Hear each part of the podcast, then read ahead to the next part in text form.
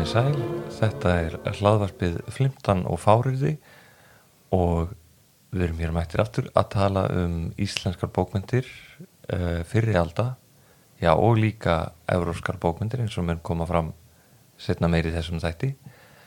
En uh, enn og aftur þá ætla ég að, að ymbra á því hvað við erum að gera hér og ymbra sérstaklega á, á mínu hlutverki. En hér förum við eins og titill þáttarins gefur til kynna ekki alltaf með uh, alvarleg málefni. Við förum, við förum með flimtan og fáriði og, uh, og hlutverk mitt í þessum þáttum er að vera einmitt eins og ákveðin tenging við, við almúan, er það ekki álmann? Jú, það er svona í vonum að að fræðslan líkist sem mest svona kaffibóðspjalli þó að allt sem við segjum hér sé byrt á lærðum vísindum og, og, og, og rækilega unnum fræðigreinum. Já, en það, það koma tilgátur á til sem eru ekki byggðar á. Ein og ein, Já. en margt af því sem kemur fram er, er, er hérna, hefur verið byrt á brenti í vísindatímaritum en er hér endur sagt eins og í léttu kaffispjalli. Mm -hmm. og þetta er nú kannski vegna þess að fyrirmynd okkar lífinu og í þessum þáttum sérstaklega er Þórhildur Skaldkona Já sem var einmitt allræmt fyrir að fara með flimtan og fáröði í uh, kaffisamsæti í brúðkaupi. Já. en reyndar fór það ekki vel því hennar var vísa burt. Og maðurinn að skildi við hennar en þar var hún kannski hefnar en leitt út fyrir í fyrstu. Verður okkur vísað burt? Ég, það er aldrei að vita. Nema trilltur múur ráðist á hljóðverið. Það geti verið. En við erum uh, uh, með gest í dag. Já. Eh, þetta er nú ekki fyrsti gæsturinn okkar, við erum nú þegar búin að fá uh, Ástísi Egilstóttur og aðalheði Guðmundstóttur og núna er komin Kristín Ragnar Gunnarstóttir. Værtu velkomin. Takk fyrir að bjóða mér. Já. Og Kristín er sérstaklega auðvitað þar tvær vinnur hún ekki við Háskóla Íslands, heldur er rittuðundur og myndlistamæður sem kannski hefur manna mest miðla íslenskum bókundum fyrir alltaf til alls konar hópa í gegnum myndlisti setni ár. Já, ég, ég nefnilega þegar að uh, þegar Ármann sagði mér að við ætlum að fá Kristínu Rögnu þá hugsaði já, hvar, hvar ég við síða þetta ná og síðan sem sé þegar ég siti heima og yngri svona minn kemur með bók til mín að lesa þá er það Völusbá sem er endur orð af þóraðni Eldján og þar sé ég nafnið þitt og þú sem sé teiknaður myndskrittir Völusbá og Háamál Já, heldur betur og við þórarinn höfðum það sérstaklega sem markmið að við vildum svona vekja áhuga, ekki svara öllum spurningum eða eitthvað svoleiðis en svona sprengja þetta efni upp þannig að, að hérna, það væri litríkt og skemmtilegt sem hæfur þessum þætti vel.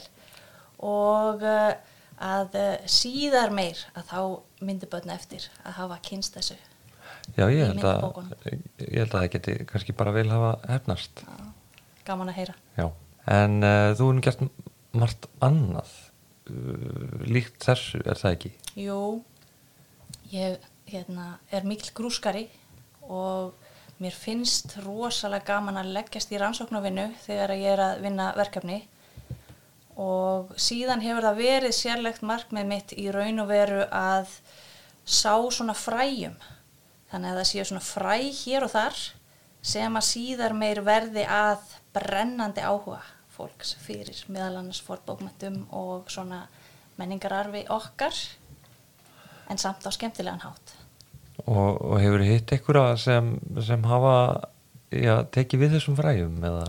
Já, ég, ég hef gert það og ég hef meðal annars búið til svona barnasýningar þessum börn fá að koma inn í sýningarsal og þau fá að taka svona virkan þátt í viðbörðum innan síningarrýmisins og hef unnið þar meðal annars upp úr hérna Völusbá og síning sem var sett upp í Gerðubergi og hétt Ormurinn Ógnalangi. Hún var, með minnir hún að vera svona um 2011 og ekkert rosalega góð í ártalum og þanga komi börn og fengu að skrýða meðal annars inn í miðgarsormin og upp á bakið á Fenri Súlvi og fengu að setjast í hásæti óðins og, og fleira skemmtilegt, kíkja ofan í ofan í viskubrunnin og svona en svo síning var síðan sett upp hjá Bögl líka og þar var ég með svona vinnustofur fyrir börn og þar hitti ég börn sem að kunnu þetta efni utan að meðal annars vegna þess að þau höfðu kíkt í bækuna mínar og það var alveg rosalega skemmtilegt Já, ég trú því.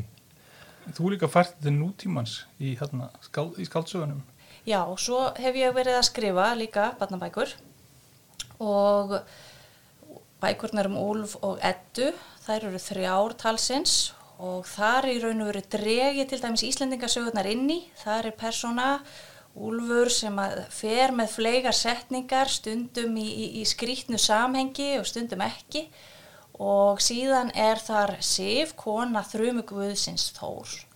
Og hún er með leini lestrakrók þar sem hún sapnar handritum hreinlega. Og þannig svona dregi þetta inn í söguna þannig að þetta verður bara virkur þáttur í sögunni en er enga, stuð, enga síður sem svona þráður. Og í nýjustu bókinni minni Nortnasögu þá hreinlega tók ég síningu sem var í listasafni Íslands í tilefni að fullveldisháttíðinni þá var svona sérstakt herbergi smíðað inn í rýmið og þar voru handritin til sínis nokkur. Fengum meðal annars að láni okkar eigin handrit sem að ég svona einbra aðeins á þarna í, í bókinni. En þá verður það hreinlega að, að, atbörðurinn gerist þarna inn á listasafni Íslands meðal annars í tengslum við þessi handrit. Og þá er ég búin að draga handritin inn í spennusugu. Og ég ætla nú ekki að segja hvernig þetta endar en, en mjög dramatísk sena sem gerist þarna bara innan um, innan um handritin. Frábært. En, en nú er sko hérna uh, á síðustu árum þá er þessi, þessi svona uh, sagnaarfur og arfur frá, frá heiðni hefur svona kannski líka hlotið endur nýjum lífdægins og í gegnum amerískan uh, kvikmyndaðina, gegnum Marvel teknumyndasögurnar. börn minnast mjög gætnan á það þegar þeir fyrir svona skólaheimsóknar Já, er það? Já, þar til dæmis er Loki að mér minnir orðin bróðir Þórs er það ekki? Jú, passar. og þau þurfa alltaf að spyrja út í þetta Já, ok, já. að þau eru búin að átta sig á að það er þannig einhverja misvísandi upplýsingar Já, Laufey er líka, er ekki sko... Karlmaður? Það, það er kallmaður í Já, myndunum, já, já. ekki kona. þannig að það er svona eitt og annað Hann er textað sem leifur í hérna, þó hann sé greinlega, heitir greinlega laufey, þá er hann textað sem leifur af því að greinlega hafa þeir ekki treyst sér til að láta kall heita laufey. Mér finnst þetta skemmtilegt að þú ert með þína gerð og svo er Marvel með sína gerð og krakkarnir kynnast þarna alls konar útgáfum á góðsögunum. Er þetta ekki bara leiðin til að svona láta þetta uh, halda áfram? Jú, en svona hefur þetta örgulega verið á miðaldum líka. já, Það eru alls konar gerðir á góðsögum, það er eitt í ettukvæðanum og svo er annað í snorrætu og svo er það þriði í drótkvæðanum og engin samstæðum nákvæmlega hvað gerðist. Nei. Þetta gefur manni líka svona listrænt frelsi þetta er ekki hérna, allstæðar eins í heimildunum sem við höfum og svona þannig að skapast ákveð rými fyrir fólk til að tegja og toga og leika sér með og fylla upp í eyður og ég hef gert svolítið af því að finna svona eyður í textunum þar sem eru personur sem er lítið talað um en er augljóst að hafa gengt einhverju hlutverki í mikilvægum sögum sem hafa tapast og þá teki þær personur inn í sögurnar mínar og geri meira úr þeirra hlut. Ég nota til dæmis í bókum Úlf og Eddu þá nota ég gná, með lítið er talað um en, en ég geri hana stóri personu þeirri bók. En Þetta tengist kannski þú veist, þessum, þessum miðalda hugafari fært til nútímans auðvitað margt í fornum textum sem er andstætt ríkjandi viðmiðum. Til dæmis í háamálum það gengur alltaf út að hlæja minnumáttar og, og, og, og vera svolítið ófeilin. Og auðvitað er ábyrjandi í ýmsum fornum textum að það er ekki jafnvægi milli kynja í, í textunum. Ásynjurnar eru mjög lítið ábyrjandi í snorrætu já, ég er að reyna að bæta úr þessu. Já, að þú ert alltaf að glíma við þetta og all, allir listamenn í nútímanu þeir, þeir taka ekki bara við arfinum og eru að reyna miðlanum, þeir eru líka eh, svona þýðaninn í nýtt síðferði og nýtt hugafar Já, svo sannarlega og taka afstöðu líka. Já, Wagner til dæmis. Og það ég minnist mjög mikið óperur Já. í, í þessum þáttum. Já, Gunnar er nefnilega söngvari ég er alveg upp í óperu heimi. Já, já. Hafði það, Þekki þær vel. hafði það áhrif á þig, Wagner, óperurnar Ekki spurning, bara óperuformið almennt. Ég hef hlustað mikið á óperur í gegnum tíðina og, og tók sem lokaverkefni í myndlist og handíðaskóla Íslands að, að hérna, búa til spil úr óperupersonum. Já. Las hreinlega í gegnum, las mig í gegnum óperubókmyndirnar bara eins og að leggja sig. að lokum útfærð frábært, ég býð spenntur Þú ert svo, svolítið fjölbreytir í miðlun, já, getur maður sagt. Það er, veist, byrjar í kannski myndlist, fer svo í texta, en þetta er alltaf svona samflétta hjá þér. já, já og, og í raun og veru þá býður þetta bara upp á að maður fær hugmynd síðan finnir maður farveg fyrir hugmyndina. Og uh, það eru ótal leiðir. Þannig að eins og þetta með spilin að nú hef ég búið til spil út frá njálu og ég er að búið til spil út frá goðafræðinni Njáluspyrinn á ég, þau eru feikilega skemmtileg og þau eru náttúrulega tengdu þetta stóru verkefni já, sem þú ert svona potturinn og pannan í sem er njálur revillin frægi. Já, ert þú uh, tengd honum? Ég teiknaði hann, já. að sem er verið að uh, sauma út á kólsvelli, er það ekki, ymmit og bara er, það er verið að ganga frá síðustu þráðum held ég í reflin. Við vorum að tala um Harald Harðráða hérna. Já, í, í seinasta þætti og hann er, kemur náttúrulega fyrir á hinnum fræga Bajör-repli sem er frá uh, 11. öldur ekki? 1066 er talað um að, Já, sé hérna hann segir, atburða, hann segir sögu atbyrða ársins 1066 mm og það er komað þér báði fyrir Haraldur Guðnason og Haraldur og þannig að þetta er svona, það er kannski fyrirmyndin. Það er fyrirmyndin og við fórum í sérstaka ferð og skoðuðum refilin úti og, og svona áður en að það er eh, Kristína Bengtsson og, Gunnhildur Kristjánsdóttir sem standa á bakvið njálurefilin og fengum mig til að teikna hann. Og við fórum í, í ferðalagi og Gunnhildur og skoðuðum refilin og síðan var ég bara í tvö ár í samtali við persónu njálu. Hann er líka stílfyrirmynd svolítið. Já, hann er stílfyrirmynd en hann er líka sko það kemur eiginlega blandast saman. Minn persónlegi stíl uh, stílinn sem er í beigjuröflinum um, handritatekningar allt mögulegt svona sem að kemur inn í og, og, og blandast þarna saman í honum en er enga síður hann er samt nútímalegur í, í þeim skilningi sem að svona við skoðum frásögn í myndmáli. Og við eigum það auðvitað alveg, þar, við getum rakið það alveg aftur til Bæju Revilsins, hann er bara eins og teiknumynda Já, hann er svona fyrsta teiknum þetta sagði nánast. Já. en sem sagt, þú þarf líka saman með texta og, og, og mynd. Þar valdi ég úr svona fleigarsetningar, það var auðvitað vel, erfitt að velja, ég, hérna, þær eru bara svo margar góðar, þannig að það var mikil glíma að ákveða hvað ætti að vera með og hvað, hverju ég varð að sleppa. Hvað er þetta margar myndir? Ú, nú þóri ég ekki að fara með, sko. Ég þarf nú einhvern tíma að leggjast í það að telja þetta. Já, Þetta það er er- 90 metra langur.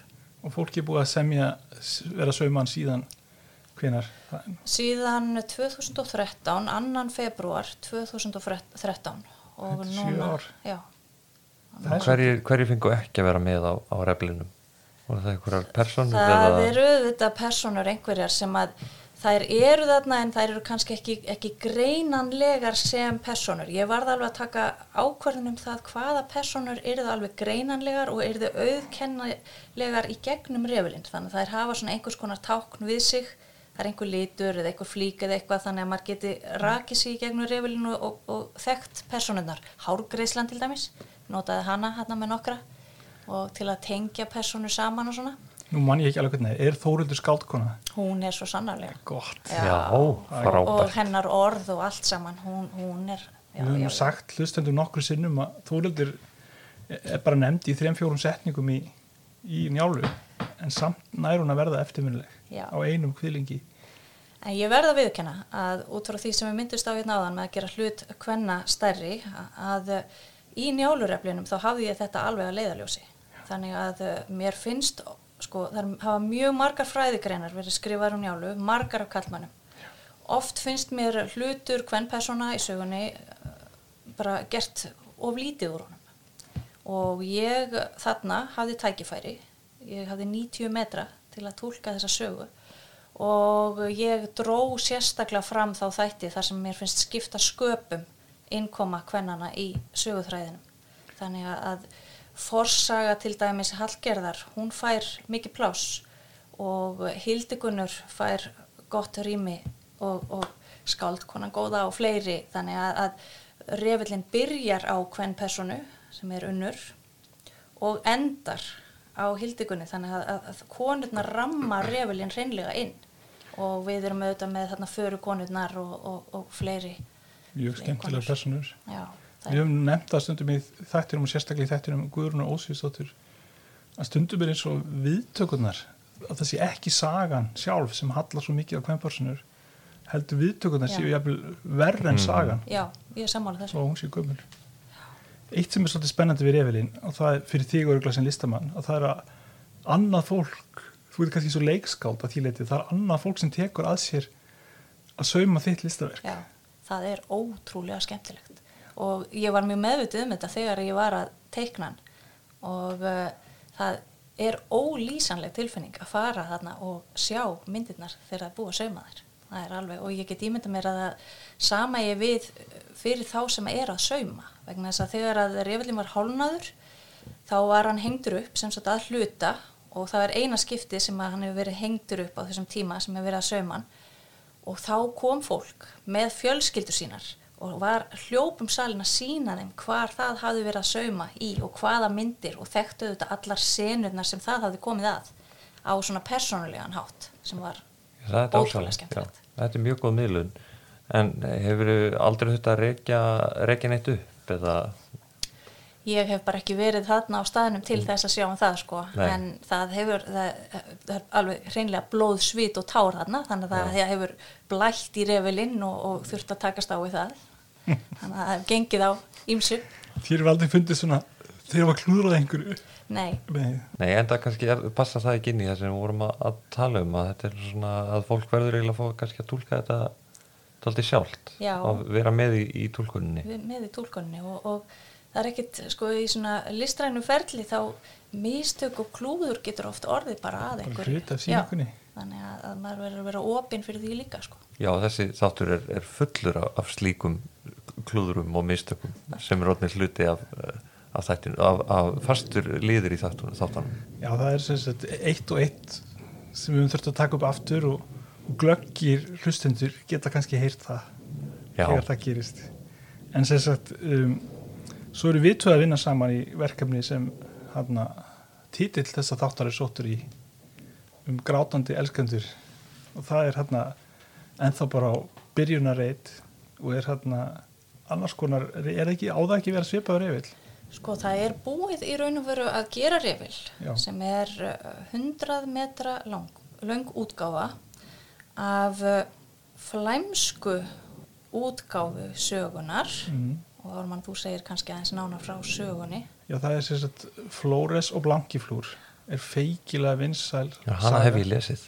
um bara svo það komið fram. Já, íslensku gerina Já, en sagt, hún er feikilega vinsæl sæl saga um alla Evrópu. Og til í afar mörgum gerðum. Og er svona það sem við kalla uh, rósa ástarsaga eða blóma ástarsaga sem er full af fyndni og íroníu sem er svolítið sérstætt og hún er gefin út á, út á íslen, íslensku sem rittarasaga en hún er ekki mjög lík öðrum rittarasögum þetta þetta er eins og með margar bókundagreinar fólk kallar eitthvað einu, eina bókundagrein í raun og veru er þetta margar. Þannig að það er margt í flórasögu sem passar ekkert vel við annars konar rittarasögur Já því við höfum talað um, um rittarasögur, þær eru einmitt aldrei margskonar. Uh, við vorum til dæmis með, með möttulsögu. sem er gaman saga Já, já, og svo er sögur sem eru ást í meinum og svo eru kappasögur þar sem er þjónusta rittarans við konungin er aðriðið og svo er það þessi sem er allt öruvísi en hvað dróði að henni? Sko ég fekk nú bara hreinlega beðni að utan uh, frá því fólki sem hefur verið að vinna þennan 100 metra langa rifil sem að í raun og veru er samsettur þá af eitthvað hérna 85-90 myndum. Þannig að þetta eru raun og veru, þetta eru senur sem eru þá saumar hver um sig á uh, þannig 90 cm á hæð 95 á breytt eitthvað svoleiðis hver sena. Og síðan er, þeim raða saman. En síðan eru þau að leitast eftir að fá myndir og valin textabrót frá þeim löndum þar sem að, var, þar sem að sagan var þýtt Já, og þar komum við inn í sem íslenski hlutin af þessu og setjum í raun og veru þá okkar þýðingu inn í svona alþjóðlegt samengi sem að mér finnst mjög skemmtilegt. Þannig að við verðum svona hluti af stóru verkefni en höfum samt tækifæri þá til að koma kannski með svo litla sérstöðu inn í. Og þau auðvitað er það njálurjöfullin sem að er þá tenging þeirra yfir í mig.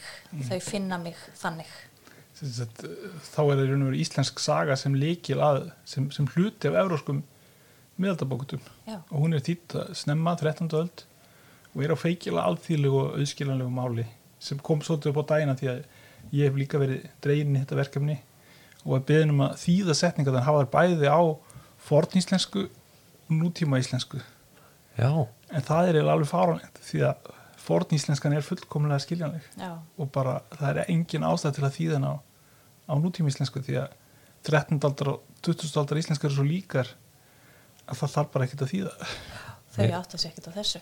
mér rámar í, í, að í þessari sögu hafið þið verið að lesa hérna heit er, er ekki- Ovidius. Eh, Ovidius, já, einmitt, uh, saman uh, listir ástarinnar er það ekki? Jú, þau eru elskendur en þau uppgötu það ekki fyrir þau að lesa bók já, einmitt, Um ástina. þau Já, eru mjög, þau eru mjög næf er það ekki? Jú, þau eru svolítið barnaleg og það er einmitt hluta þessari bóknargrein Já, og þau eru búin að vera æskuvinir, þau eru búin að alast upp saman, alveg bara hérna, mjög þétt saman og síðan komast þau yfir þessa bók og, og breytir sín þeirra á sambandið. Þetta er eiginlega svona elskendurni sem sískinni Já, ekki sem andstæður, Nei. þetta er sem sískinni og þau eru bara elskendur frá upphafi. Já, þetta er falleg saga. Og þau eru nauða lík. Já, þau eru svo líka fólk þekkir ekki sundur. Þú veist, sumum finnast þetta svolítið pervers. Þetta er svona eins og þú veist, fara átni sem giftur systrum sínum. En, en þetta er, hér er ídealið það að þess að sískinin því líkar sem hjónin eru, því betra. Já, já, hjónasvipur Hjón- við það ekki í dag? Ég það er nú ekki síst vegna þess að Flóris er ekki mjög kallmannlegur Hann er ekki með skegg. Nei, Flóris og Skarpíðin Jálsson eru ekki líkir. Nei, Flóris er sér skegglaus og hann er svo fallegur að það er ekki að þekkja hann frá konum. En nafnið gefur hann líka daldið til kynna svona fegur hans Já, og Flóres, og þetta er nefnilega sem sagt, hann- blómastrákur. það eru, það eru sem sagt atrið í sögunni þar sem kongurinn telur að blankifúr sé að halda við kallmann en þegar hann sér Flóris þá hugsa hann er hún kannski bara svo hjá vinkunum sinni? Og það finnst honum náttúrulega sára saklaus á þessum tíma. Og svo þarf eiginlega bara svona fletta ofan að um klæðum til að sjá hvort þetta sé kallmaður eða ekki. Og þetta er svolítið sérstætt atriði. Og Flóris er alltaf að fara að gráta og falla í yfirlið Já, líka. líður yfir hann aftur og aftur. já, en Blankiflúr hún er aðeins svona eh, sterkari típa eða það ekki? Já, hún er sendt burt og hann þarf að fara að leita henni.